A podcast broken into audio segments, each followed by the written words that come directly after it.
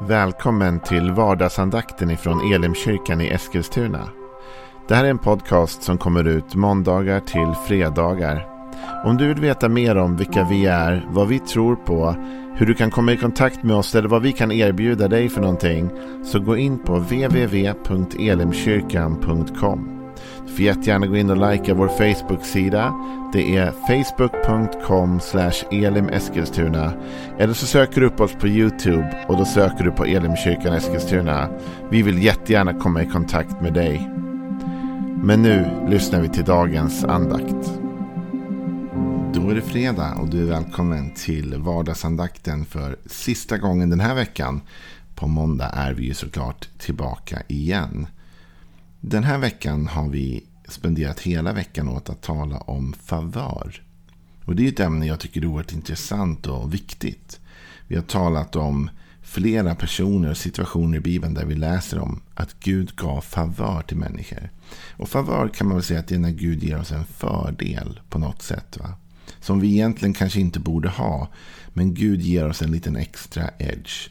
Jag har sagt att det är en otroligt bristfällig bild. Men det är lite som att vi helt plötsligt får gå före i kön. Någon öppnar upp och låter oss få en bättre väg fram.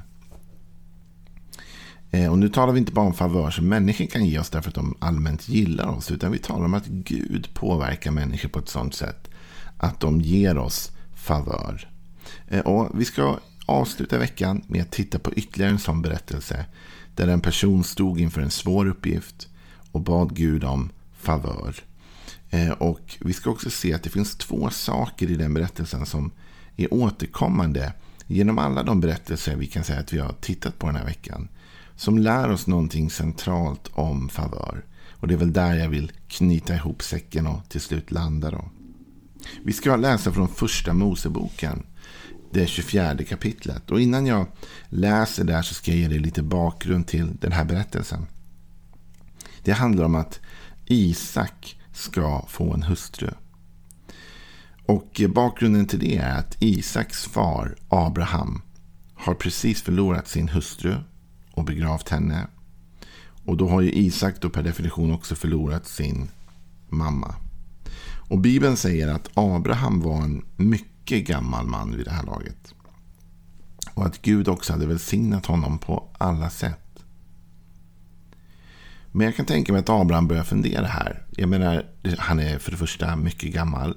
Han har precis förlorat sin hustru. Och han kanske börjar tänka, hur ska det gå för Isak, min son?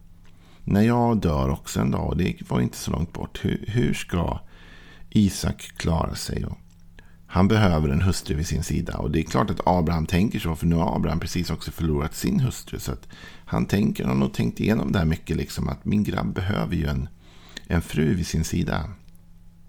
Så Abraham han säger till sin tjänare, sin äldsta tjänare. Och att Bibeln säger just att det var den äldste eh, bland hans tjänare. Den som förvaltade allt han ägde. Det får oss att inse att det här är en man som Abraham har oerhört mycket respekt för.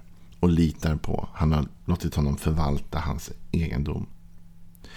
Den mannen kallar Abraham till sig och säger jag vill att du går och hittar en hustru åt min son. Och inte här där vi är nu bland kananéerna. Därifrån vill han inte ha. Utan du, gå till mitt land och min släkt och, och hitta en hustru där borta någonstans. Och den här tjänaren känner nog att den här uppgiften är lite svår.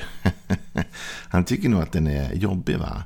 Och Abraham har bett honom om detta. och... Eh, han vill göra det såklart, men han är samtidigt oroad tror jag, för hur det ska gå. Och vi kan läsa från första Mosebok 24 och vers 5 bara hur den här tjänaren reagerar när han får höra det här. Tjänaren sa, men om hon inte är villig att följa med mig till det här landet, ska jag då föra din son tillbaka till det land som du har lämnat? Nej, svarade Abraham, du får absolut inte föra honom tillbaka dit. Herre, Herren, himlens Gud, som fört mig bort från mitt hem och mina fäders land och som lovade mig med ed åt dina ättlingar ska jag ge detta land. Han ska gå, han ska sända sin ängel framför dig så att du kan ta en hustru åt min son därifrån. Och om hon inte är villig att följa med dig, då är du löst från din ed till mig. Men för inte min son tillbaka dit. Så Abraham har en del instruktioner till tjänaren. Han ska gå till det land där Abraham kommer ifrån. Han ska hitta en kvinna därifrån till Isak. Det är lite spännande att se detta. va? Att liksom, man kan ju förstå hur Abraham tänker, eller hur? Han har precis förlorat sin hustru, Sara. Och han, han tänker såklart att en sån kvinna vill jag hitta åt min son. Därför han säger att han vill att han går till, han vill att tjänaren går tillbaks dit därifrån Abraham och Sara kom och hittar en kvinna åt, åt Isak. Så han ska gå dit, men han får inte liksom föra Isak dit. Va? Isak ska inte gå tillbaka till det landet. Så om inte den här nu kvinnan som tjänaren hittar är villig att följa med, då går det inte. Det måste vara så att hon är beredd att flytta. För att Gud har ju sagt till Abraham att du ska lämna den där platsen. Va? Det läser vi om i, i det tolfte kapitlet, tror jag det är, när Gud säger till Abraham, du ska lämna din, din stad och din släkt och din familj. Så Gud har kallat honom därifrån och Abraham vill inte att Isak går tillbaka dit, utan vi ska ju vidare. va. Och då blir tjänaren, okej, okay, men hur ska det här gå då? Abraham säger, men Gud kommer sända sin ängel framför dig. Så att det, kommer, det här kommer funka. Och skulle det inte funka, hon vill inte mer, då är du löst från eden. Men intressant va, att Abraham förutsätter att Gud sänder en ängel framför tjänaren. För att öppna dörrar, förbereda, ge favör. Tänk om du och jag visste det. Att det gick en ängel framför oss idag som förberedde och som öppnade vägar och som gjorde liksom det möjligt för oss att göra det vi ska. Han, han ger oss, skapar förutsättningar för Guds favör att verka i vårt liv. Den här tjänaren, han tar sig iväg.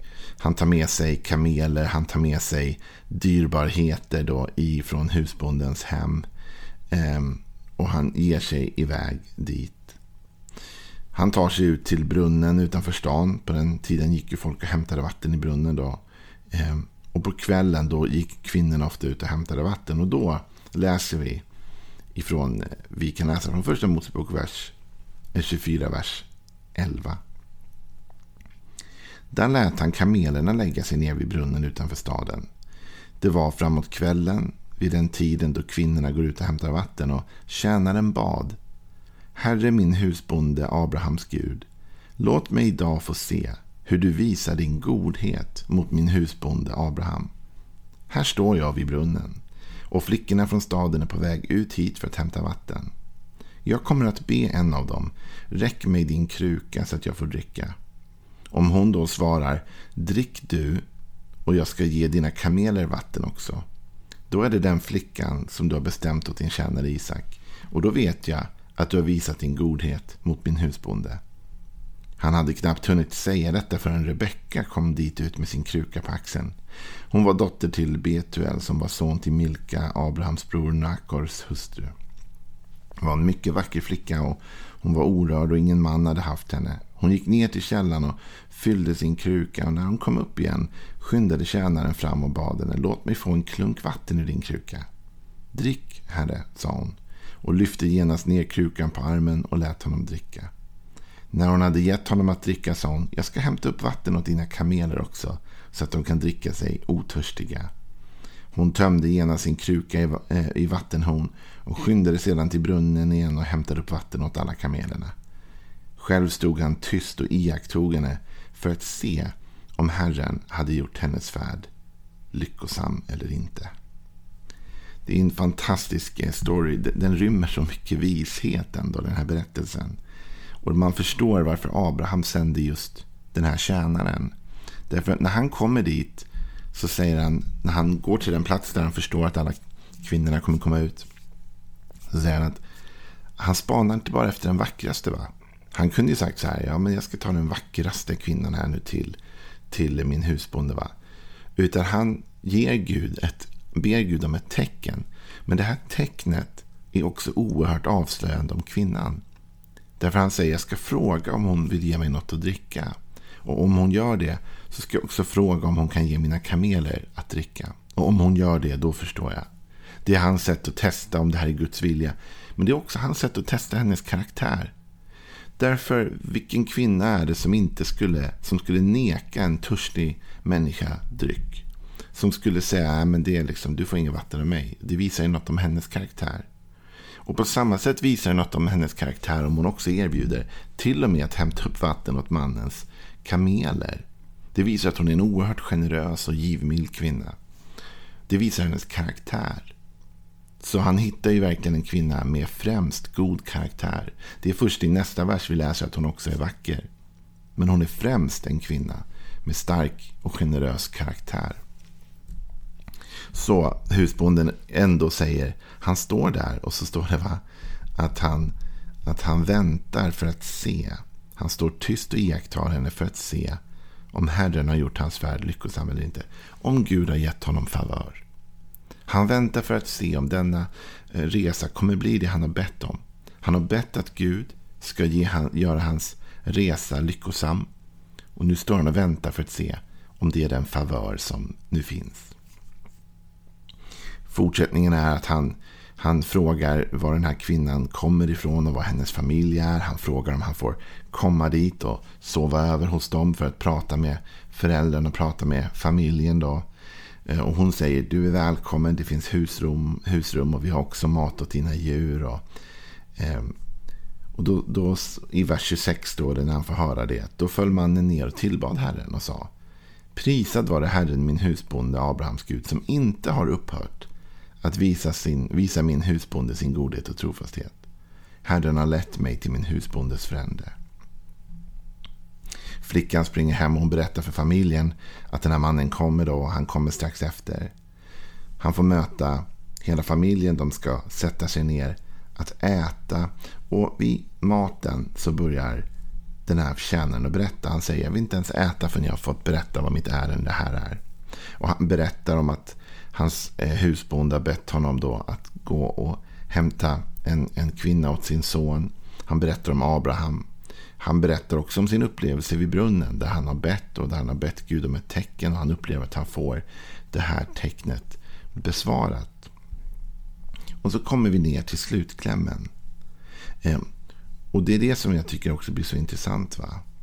Då står det så här i vers 20 i vers 49. Säg mig nu, säger då tjänaren till familjen, om ni vill visa min husbonde godhet och trofasthet. Om inte, säg mig då det, så att jag vet vad jag har att rätta mig efter. Så här är han, nu kommer frågan, va? är detta möjligt? Eller är det inte möjligt?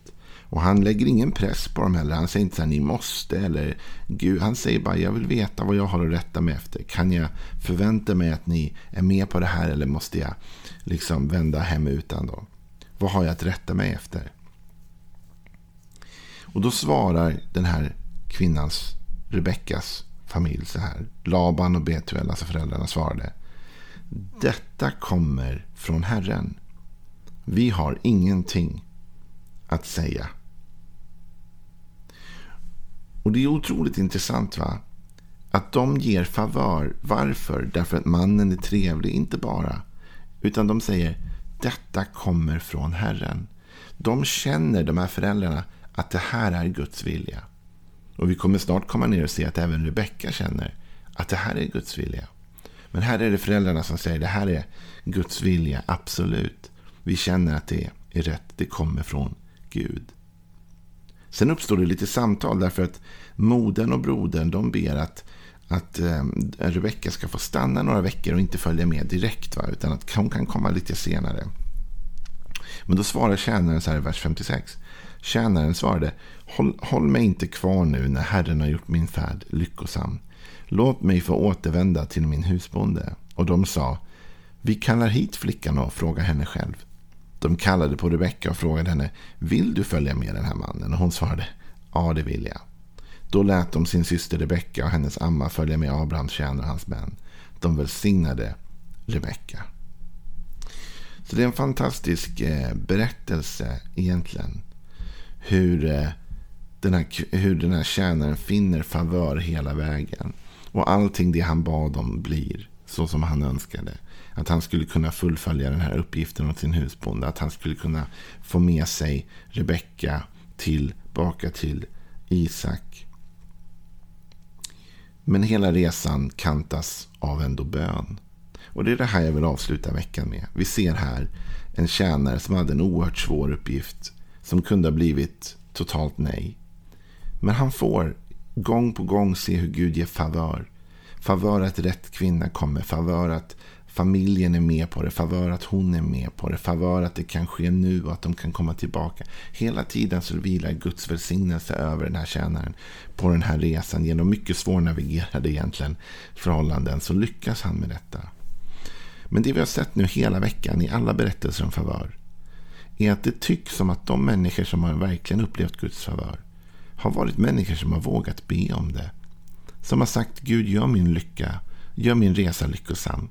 Gud ge mig framgång hos den här mannen som, som vi läste att Nehemja bad. Eller Daniel som också han bad Gud om favör i de här situationerna. Vi läst hela veckan om människor som har vågat be Gud om det. Har du och jag det modet i oss att våga be Gud om favör? Kan vi vid vår morgonbön idag säga Gud, ge mig din favör. Låt mig få en fördel. Herre, gör min resa lyckosam. Ge mig framgång. Låt mig möta välvilja. Och det andra vi har sett i alla berättelser är just detta att favör är kopplat till människors förmåga att hjälpa oss. Så Gud inger människor att öppna dörrar för oss. Det är det som är favör. Det är att vi får en fördel av människor vi möter. Men den fördelen får vi därför att Gud har verkat på dem. Här ser vi till exempel att när han sitter med föräldrarna så säger de detta är från Herren. Så Gud har verkat i deras hjärtan så att de känner vi ska ge den här tjänaren det han ber om. Därför att vi känner att Gud är i detta. På samma sätt som kungen gav Nehemja favör. På samma sätt som den här överste, äh, äh, äh, ja, han som vaktade där i Daniel, va? han, kammarherren, han ger Daniel, Sadrak, Mesak favör. Så vi kan se att människor, Gud använder människor för att ge oss fördelar. Så min avslutning efter en vecka om favör är detta. Våga be Gud nu inför helgen om favör. Du kanske kan be hela helgen om att nästa vecka ska vara en vecka då du får fördel. Då du får leva i Guds välsignelse och favör. Och du kommer märka att människor kommer att öppna dörrar för dig. Därför Gud verkar på deras hjärtan. Ha en välsignad helg.